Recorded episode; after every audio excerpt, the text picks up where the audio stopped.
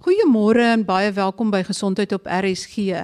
Ek het ver oggend 'n baie spesiale gas en dit is professor Darlene Libbe. Sy is verbonde aan die Universiteit van Kaapstad in Groote Schuur Hospitaal en ook in privaat praktyk. Sy's 'n oorneus en keel spesialis, maar sy het geskiedenis gemaak deur 'n baie spesiale prosedure wat mens eintlik by die brein uitkom deur die oogkas.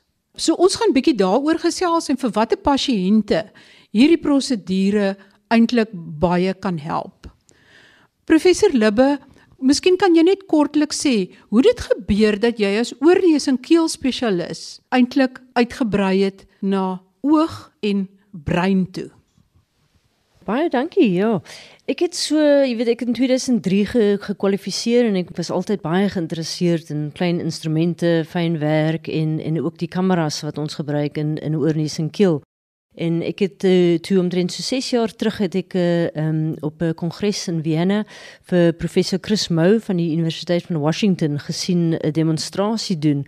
En hy's 'n okuloplastiese chirurg. Ehm um, so hy het uh, uh, deur die oogkas gegaan deur klein snytjies uh, te maak rondom die oog en net vir mense begin vertel oor die verskillende plekke waar jy kan uitkom. En ek was absoluut gefassineerd uh, uh, om om vir hom te sien opereer. Ek met hom gaan gesels toe teruggekom Kaapstad toe. Ek was toe associate professor gewees by 'n groot skuur en met Dr Hamza Mustak, hy was toe nog 'n kliniese assistent voordat hy gespesialiseer het. Ook by groot skuur die twee van ons het toe begin saamwerk. Hy is 'n oogarts en ek is 'n oorneus en keel en toe baie kadaverwerk begin doen en om te kyk wat kan ons nou regkry? Jy weet, en kan 'n mens nou dieselfde doen as wat uh, professor Chris Mou voorgestel het moontlik gedoen kan word. En van daar af het ons het ons gesien hoe maklik dit eintlik is en hoe hoe goed 'n mens kan sien as jy uh, met die kamera agter in die oogkas kyk. En ons het toe begin met uh, eerstens met oogtumore. Jy weet vir oogartse is dit meestal uh, katarakchirurgie. Daar's baie min orbitale uh, oogchirurge uh, in Suid-Afrika of selfs wêreldwyd. Ehm um, net omdat mense dink dit is so moeilik om by hierdie letsels uit te kom. En vir baie van hierdie uh oogtumore, hulle is benigne tumore, so hulle gaan jou nie doodmaak nie, maar hulle sal jou definitief blind maak. Kry hierdie pasiënte craniotomies en dit beteken 'n groot sny hare word afgeskeur, groot sny op die kop gemaak, die oogkas, die boonste, die dak van die oogkas word afgehaal en dan moet die neurochirurg gewoonlik deur die oogkas werk om hierdie uh, groeisel te probeer uh, kry wat baie keer so groot soos 'n peanut kan wees. En dan weer uh, die die oog da, uh, kas terugsit, jy weet met plate en skroewe, so dis 'n regtige massiewe operasie. En um, ons het toe begin eksperimenteer op kadavers en gesien dat ons by baie van hierdie letsels kan uitkom sonder dat daar eers 'n sigbare 'n uh, snit op die gesig is. Jy weet jy kan die vier hoeke of die twee hoeke en die boonste en die onderste uh, ooglid gebruik om toegang te kry uh, na die oog toe.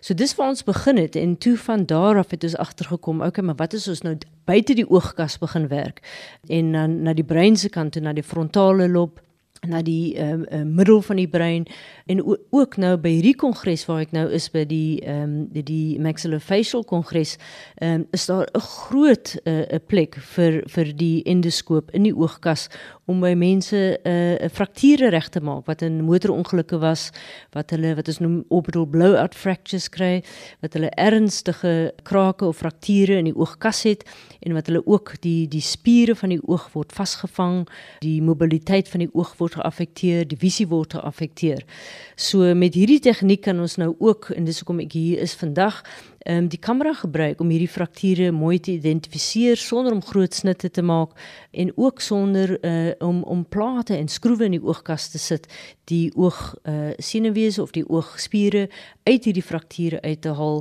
en die pasiënte normale visie te gee. So van van daar af het dit maar net daar's net meer toepassings wat ons kan gebruik vir die neurochirurge, verskillende areas van die brein, vir oogartse uh, verskillende areas van die oog en as 'n oorneus en keel verskillende areas van die van die sinusse wat uh, baie keer onmoontlik is om by uit te kom uh, deur die neus self.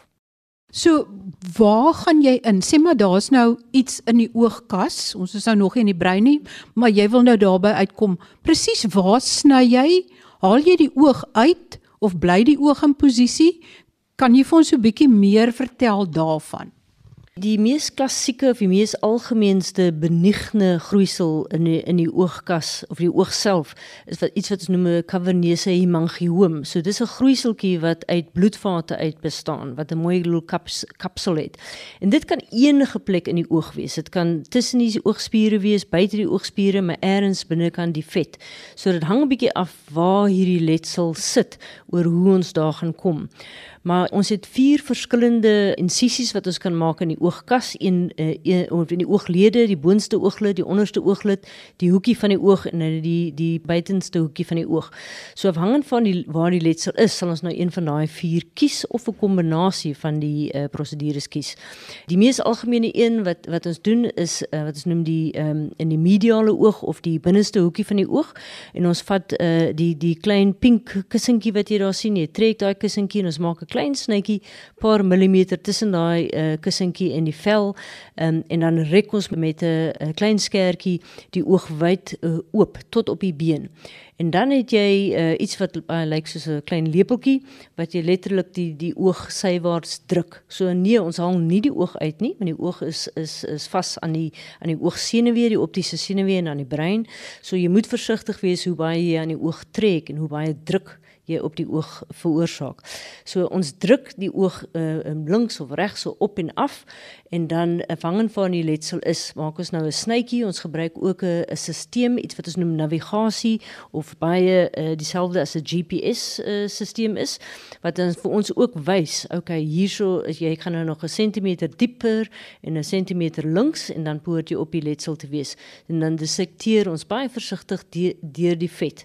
Ehm um, met een persoon wat die kamera vashou en die ander persoon gewoonlik Dr. Mustak wat wat ons saamwerk, ehm um, dan gaan ons direk op die op die letsel. Jy haal die letsel uit en dan uh vir meeste van die van die insisies het jy glad nie 'n steekie nodig nie. As jy deur die hoekie van die oog gaan, jy los net die oog en die oog val val terug. Daar's geen uh, letsel om te sien of geen snit om te sien nie vir die groter uh, uh letsels wat diep agter in die oog sit of die die breinletsels uh daar moet ons 'n snit uh, maak uh, op die ooglid maar dis 'n kosmetiese snit. Dis 'n uh, wat ons noem 'n blepharoplastie so dis wat jou okuloplasties of jou plastiese chirurge doen soos mense ouer raak en hulle 'n bietjie van die vet verwyder van jou van die oog. Dis essensieel dieselfde snit. So dis 'n 'n snit wat 'n mens na 'n paar weke glad nie kan kan sien nie En as jy nou in die brein moet ingaan, maak jy dan gaatjies in die agterste deel van die oogkas. Ja, so ons gaan die snit maak so die vir die gewasse van die van die brein is die is gewoonlik die blepharoplastie, die velvou insisie in, in net bo jou oog, jou ooglid. Ehm um, en dan gaan ons dissekteer ons bo die oogspiere, ehm um, sodat jy niks lid uh, retraksie of uh, uh, uh, dat jy nie veroorsaak dat daar enige kosmetiese abnormaliteit is wat die pasiënt se se oog bietjie hang nie en jy gaan reg op die oogkas want uh, wanneer jy op die oogkas is, dan is dit baie eenvoudig om die oog net eenvoudig uit die pad uit te druk. Watter kant ook al jy hom wil verplaas. En dan gebruik ons 'n drill. Wat baie dieselfde is as die as die drill wat jy uh, gebruik om 'n gaatjie in die muur te boor net 'n bietjie fyner.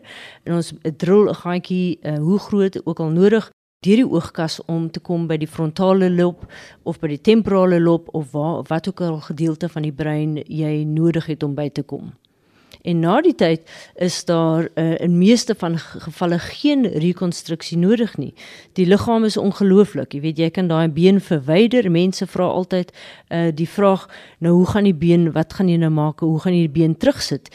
Die die ding is jy het nie daai been nodig nie. Die liggaam is ongelooflik. Soos die oog terugval in sy posisie, jy kry 'n nuwe membraan wat vorm. En uh, partykeer is dit weer bietjie been wat vorm, maar tussen die die die breinvlies en die en die oogvlies of die periorbita is daai weefsel sterk genoeg. Jy weet dat jy nie uh, enige rekonstruksie hoef te doen in meeste 90% van gevalle nie. Werk julle dan saam met 'n neurochirurg? Wat dan daai gewas of die kol op die brein verwyder wat dan die probleem gee of kan jy dit self doen? So dis 'n belangrike vraag want jy weet as 'n oorneus en keel uh, chirurg is ek veronderstel om net in die die oorneus en keel area te wees maar in sekere areas van die liggaam. Ehm um, die oog byvoorbeeld het jy neurochirurge, jy het maxillofacial uh, chirurge, jy het oorneus en keel chirurge. Dit is 'n soort van 'n grys area, 'n overlapping area as ek nou in Engels mag praat. Maar ons voel altyd dat sodra jy uh, deur die breinvlies of die deure gaan dan is dit absoluut noodsaaklik om 'n neurochirurg te hê. So ons werk altyd saam met 'n neurochirurg, dieselfde as ons binne die oog werk, is dit baie noodsaaklik dat jy saam met 'n oogarts of 'n oftalmoloog werk want hulle ken nie die anatomie 'n bietjie beter Hulle weet wat wat toegelaat mag word, wat nie toegelaat mag word nie. Dit is baie dieselfde as pituitêre chirurgie waar die oorneus en keel eh, die eerste helfte van die operasie doen tot op die pituitary tumor en dan sal die neurochirurg daai gedeelte van die operasie doen. Maar die oorneus en keel se rol dan is om die kamera vas te hou en die area uh, skoon van bloed te hou sodat die neurochirurg die hele tyd mooi kan sien wat hy doen. Dis dieselfde met hierdie tipe chirurgie. Sodra ons deur die breinvlies gaan, dan is dit my rol as 'n oorneus en keel om uh, vir die neurochirurg te wys, die area te wys waar hy moet opereer. So ek sou 'n kamera hou en nog 'n instrument hou en die neurochirurg het dan twee hande wat hy dan die area kan manipuleer. So dit is baie noodsaaklik vir 'n neurochirurg. Maar beide die oogartse en die neurochirurge is seker baie dankbaar vir hierdie baanbrekerswerk wat jy gedoen het om vir hulle makliker toegang te gee tot die plek waar hulle moet wees om te opereer. Ja, ek dink dit is absoluut 'n uh, ongelooflike nuwe veld uh, wat ons nou betree. Ons doen nou transorbitale chirurgie deur die oogchirurgie seker vir die afgelope 4 4 en 'n half jaar. Maar wêreldwyd is daar nou so 'n groot aanvraag om hierdie kennis te leer.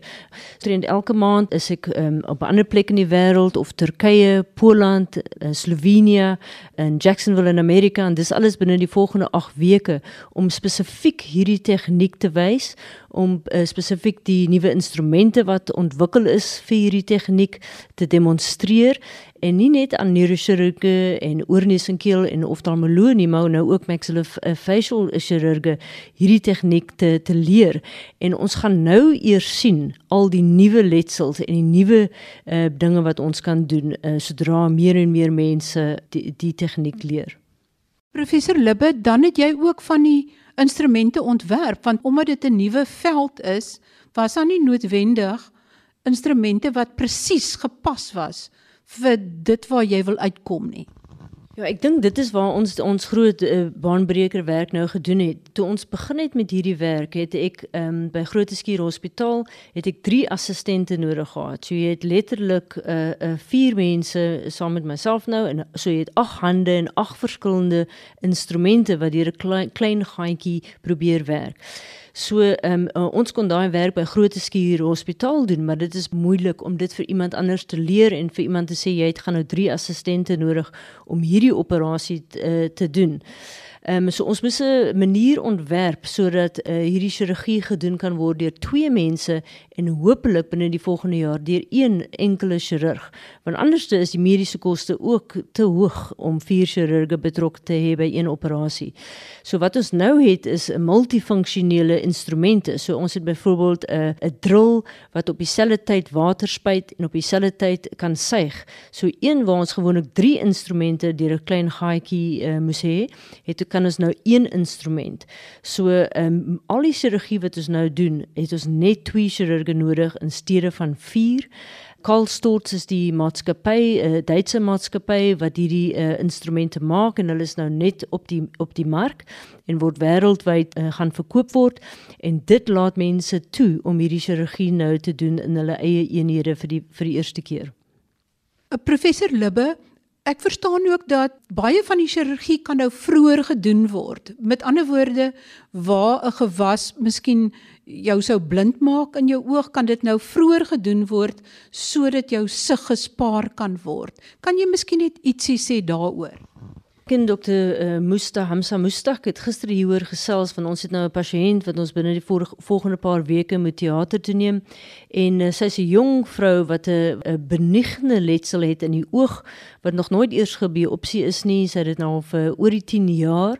Dit is altyd gesê dis te gevaarlik om daarin te gaan. Dis te groot operasie.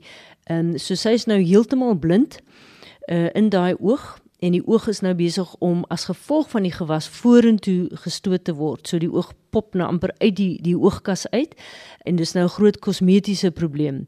So sy het nou na ons toe gekom en gevra, "Kan ons iets doen?" En is so frustrerend om te sien met ons dit is 'n bietjie retrospektiewe uh, kennis wat ons nou het, maar as hierdie uh, tegnieke beskikbaar was 10 jaar terug, sou hierdie vrou haar visie behou het waar sy dit nou verloor het.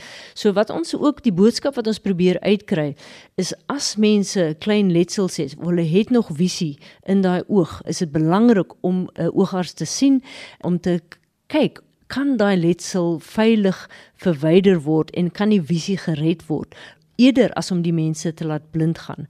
Want op hierdie stadium wêreldwyd word baie pasiënte net gesê om te wag, jy kan nog sien, so wees dankbaar vir die bietjie gesig wat jy het of dis net 'n kosmetiese abnormaliteit of lewe met die pyn waar ons nou weet, weet ons kan vroeg inspring en visie red, ehm um, kosmeties dit baie meer aanvaarbaar maak en in baie gevalle die hele uh, tumor verwyder. Dit klink of dit byna ook so tipe boodskap is wat jy aan dokters wil gee. Dis absoluut essensieel. Toe ek my eerste praatjie gegee het 'n uh, 4 jaar terug was op 'n internasionale kongres en professor Chris Mou was ook daar gewees en ek het na hom toe gegaan en vir hom gesê asseblief jy weet hierdie werk het ek begin doen as gevolg van jou sal jy asseblief kom kom luister na my praatjie. En daar was seker 10 mense gewees in daai groot uh, lokaal wat gedink het dis absolute nonsens jy weet daar's geen plek vir hierdie tipe chirurgie nie. En nou is ek 'n keynote speaker jy weet op op baie kongresse wêreldwyd soos ek gesê het amper een keer 'n maand waar die kamer vol is waar mense graag hierdie tegniek wil leer. So van 4 jaar terug jy weet het ons baie ver pad gekom um, om self pasiënte weet jy ons het self professor Benjamin van Blair van van Harvard wat uh, ook betrokke is by hierdie chirurgie. Ons het mense regtig um, wêreldkenners wat nou saam met ons werk om om hierdie boodskap uit te kry om hierdie transorbitale chirurgie verder te vat. Kan mens sê dat breingewasse in sekere dele van die brein ooggewasse agter die oog dat dit nou met veiligheid verwyder kan word waar mens voorheen net met groot moeite en met baie komplikasies kon bykom. Ja, ek dink een ding wat baie belangrik is om, jy weet, as 'n mens nou begin praat oor hierdie goed, veral die media se gesels, dan is daar baie mense ongelukkig daar buite wat dit nou gryp as 'n hoop, jy weet, dat dat iets gedoen kan word. So wat 'n mens moet besef is dat elke pasiënt moet geëvalueer word deur 'n span van dokters en in baie gevalle as daai letsel verwyder kan word, dan kan ons met 'n kombinasie van die transorbitale en die tradisionele metodes hierdie letsels nou veilig verwyder. Maar daar is definitief gevalle, jy weet, veral waar dit kwartaardige, eh, maligne, baie keer benigne tumore is wat op baie moeilike plekke sit naby belangrike senuwees en en are wat dit nog steeds nie altyd moontlik gaan wees om dit te verwyder nie. Maar miskien in 10 jaar se tyd sal dit wees. Jy weet, so ek dink om mens moet hoop gee vir mense en elke persoon moet geëvalueer word om te sien of hulle gehelp kan word. Baie dankie professor Libbe. Ek hoop jy sit jou werk voort en ek hoop daar kom nog baie interessanthede en nuwighede uit hierdie veld uit. Baie dankie. Ek vertel julle nou hoe ek die dag in die teater met professor Libbe beleef het. Sy en haar span was van 7:00 die oggend tot 11:00 die aand in die teater en hulle het 4 operasies gedoen. Die ek het 3 van die operasies bygewoon en ek moet sê ek bewonder die mense wat so lank op hulle voete kan staan en nog steeds helder kan dink en akkuraat kan werk. Die ehm um, Eerste pasiënt wat ek bygewoon het, was 'n pasiënt wat 'n gewas agter haar regte oog gehad het. Dit het uitgepeel en die gewas het baie sterk teen die karotis arterie wat die hoofbloedvoorsiening na die brein is, gedruk en as dit nie verwyder sou word nie, het die moontlikheid bestaan dat dit die karotis arterie kon toedruk wat met ander woorde die hele bloedvoorsiening na die helfte van haar brein sou afsny. Nadat die pasiënt onder narkose geplaas het, het professor Libbe met haar instrumente deur die vrou se neus gegaan mens kon duidelik op die groot skerm sien en om julle 'n idee te gee van die vergroting wat mens op die groot skerm sien, is dat die neushare het letterlik soos reuse grashalmbome gelyk waardeur die kamera beweeg. So na alles reg voorberei is, na uh, sekere strukture verwyder is, het ons het die span uitgekom en die, ons het die volgende gesien. Ons kon op die groot skerm sien die oog en die oogsenuwee aan die regterkant en aan die diep aan die linkerkant diep verder in kon ons letterlik die brein sien. En ehm um, op die skerm aan die die tweede skerm aan die linkerkant wat soos 'n skandeerskerm is, kon ons duidelik sien waar die instrumente is, met ander woorde teen wat die instrumente druk. En mens kon daarso sien dat die een instrument is redelik naby aan die brein en die ander instrument is teen die gewas. En soos wat sy die gewas verwyder het, kom mens regtig op die skandeerskerm sien hoe die gewas al hoe kleiner en kleiner word en dit is afgeskraap en weggetrek en opgesuig en afgeskraap en weggetrek millimeter vir millimeter. En die deel by die karotis arterie was die kritieke stadium van die operasie.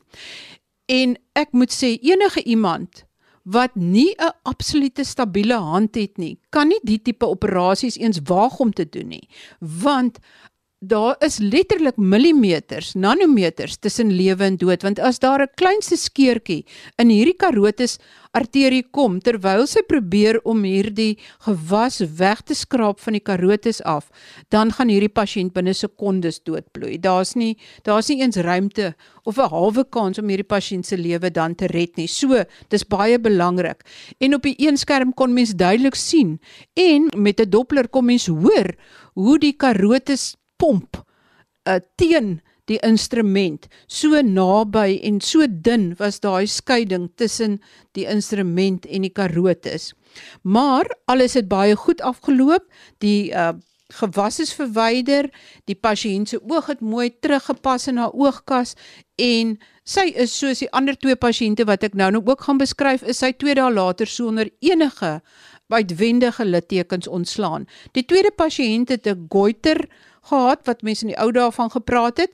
Met ander woorde as gevolg van tiroïed wangfunksie het haar regteroog dramaties uitgepeel en dit is as gevolg van vetweefsel wat as gevolg van die tiroïed wanfunksie agter die oog vergader en uh toe het um professor Libbe het sy deur die neus en aan die kant van die oog aan die kant van die oog is hier aan die traankliertjie kant hier die binnekant van die oog het sy met die instrument ingegaan en sy het toe deur van die benige gedeeltes van die sinus te verwyder het sy ruimte geskep vir hierdie vetweefsel om in terug te sak en die hele oog het baie mooi netjies teruggesak in die oogkas, niks het verder uitgepeel nie nadat sy met groot deeglikheid getoets is of die traankliertjies nog reg werk, is die pasiënt herstelkamer toe. Die derde pasiënt wat ek die operasie van bygewoon het, was 'n jong vrou van die platteland wat 'n nie kwartaardige gewas gehad het wat mens noem 'n meningioom. Wat agter die oog om die oogsenuwee gegroei het en op pad was na die brein toe. Hierdie vliesagtige gewas het die bene van die oogkas binne gedring, styf om die oogsenuwee gedraai en beur na die brein toe. 'n Gewone operasie, as dit nie professor Libbe was nie, was 'n groot snit aan die kant van die skedel, die skedel weg te lig en daar was dan geen kans om die oogsenuwee te red nie. Maar uh weer eens ingegaan, ons kon duidelik die oog, die oogsenuwee en die brein sien en met tye is dit verstommend hoe naby daai instrumente aan die brein kom, maar tog nie aan die brein raak nie. En die kritieke deel van die operasie was inderdaad toe professor Libbe met geweldige versigtigheid die gedeeltes van die gewas om die oogsenuwee verwyder het. Letterlik stukkie vir stukkie want die oogsenuwee kan nie gerek of gestrek of gebuig of geknak word nie. Dit moet baie versigtig hanteer word sodat daar geen skade aan die oogsenuwee is nie om soveel visie as moontlik te behou. En dit het sy toe inderdaad reg gekry en die dele van die gewas wat binne in die in die oogkas se bene ingedring het, is ook stukkie vir stukkie vir stukkie verwyder, millimeter vir millimeter, baie versigtig. Hulle het eers omtrent 11 uur uit die teater uitgestap en die pasiënt is ook letterlik 2 dae later eh, sonder enige verdere visie verlies, enige verdere skade is sy huis toe soos die ander twee pasiënte of eintlik die ander 3 pasiënte wat daardie dag geopereer is. En ek sê baie dankie aan professor Libbe dat sy my toegelaat het om hierdie operasies by te woon en ek is ook baie dankbaar dat Suid-Afrika hierdie kaliber chirurge het en ek hoop ons behou hulle in die toekoms om hierdie baanbrekerswerk te doen. Dit is aan al van my kant af vir vandag. Volgende week gesels ek oor 'n baie algemene probleem en dit is snork. Skakel dus weer in by Gesondheid op RSG. Groete van my, Marie Hudson.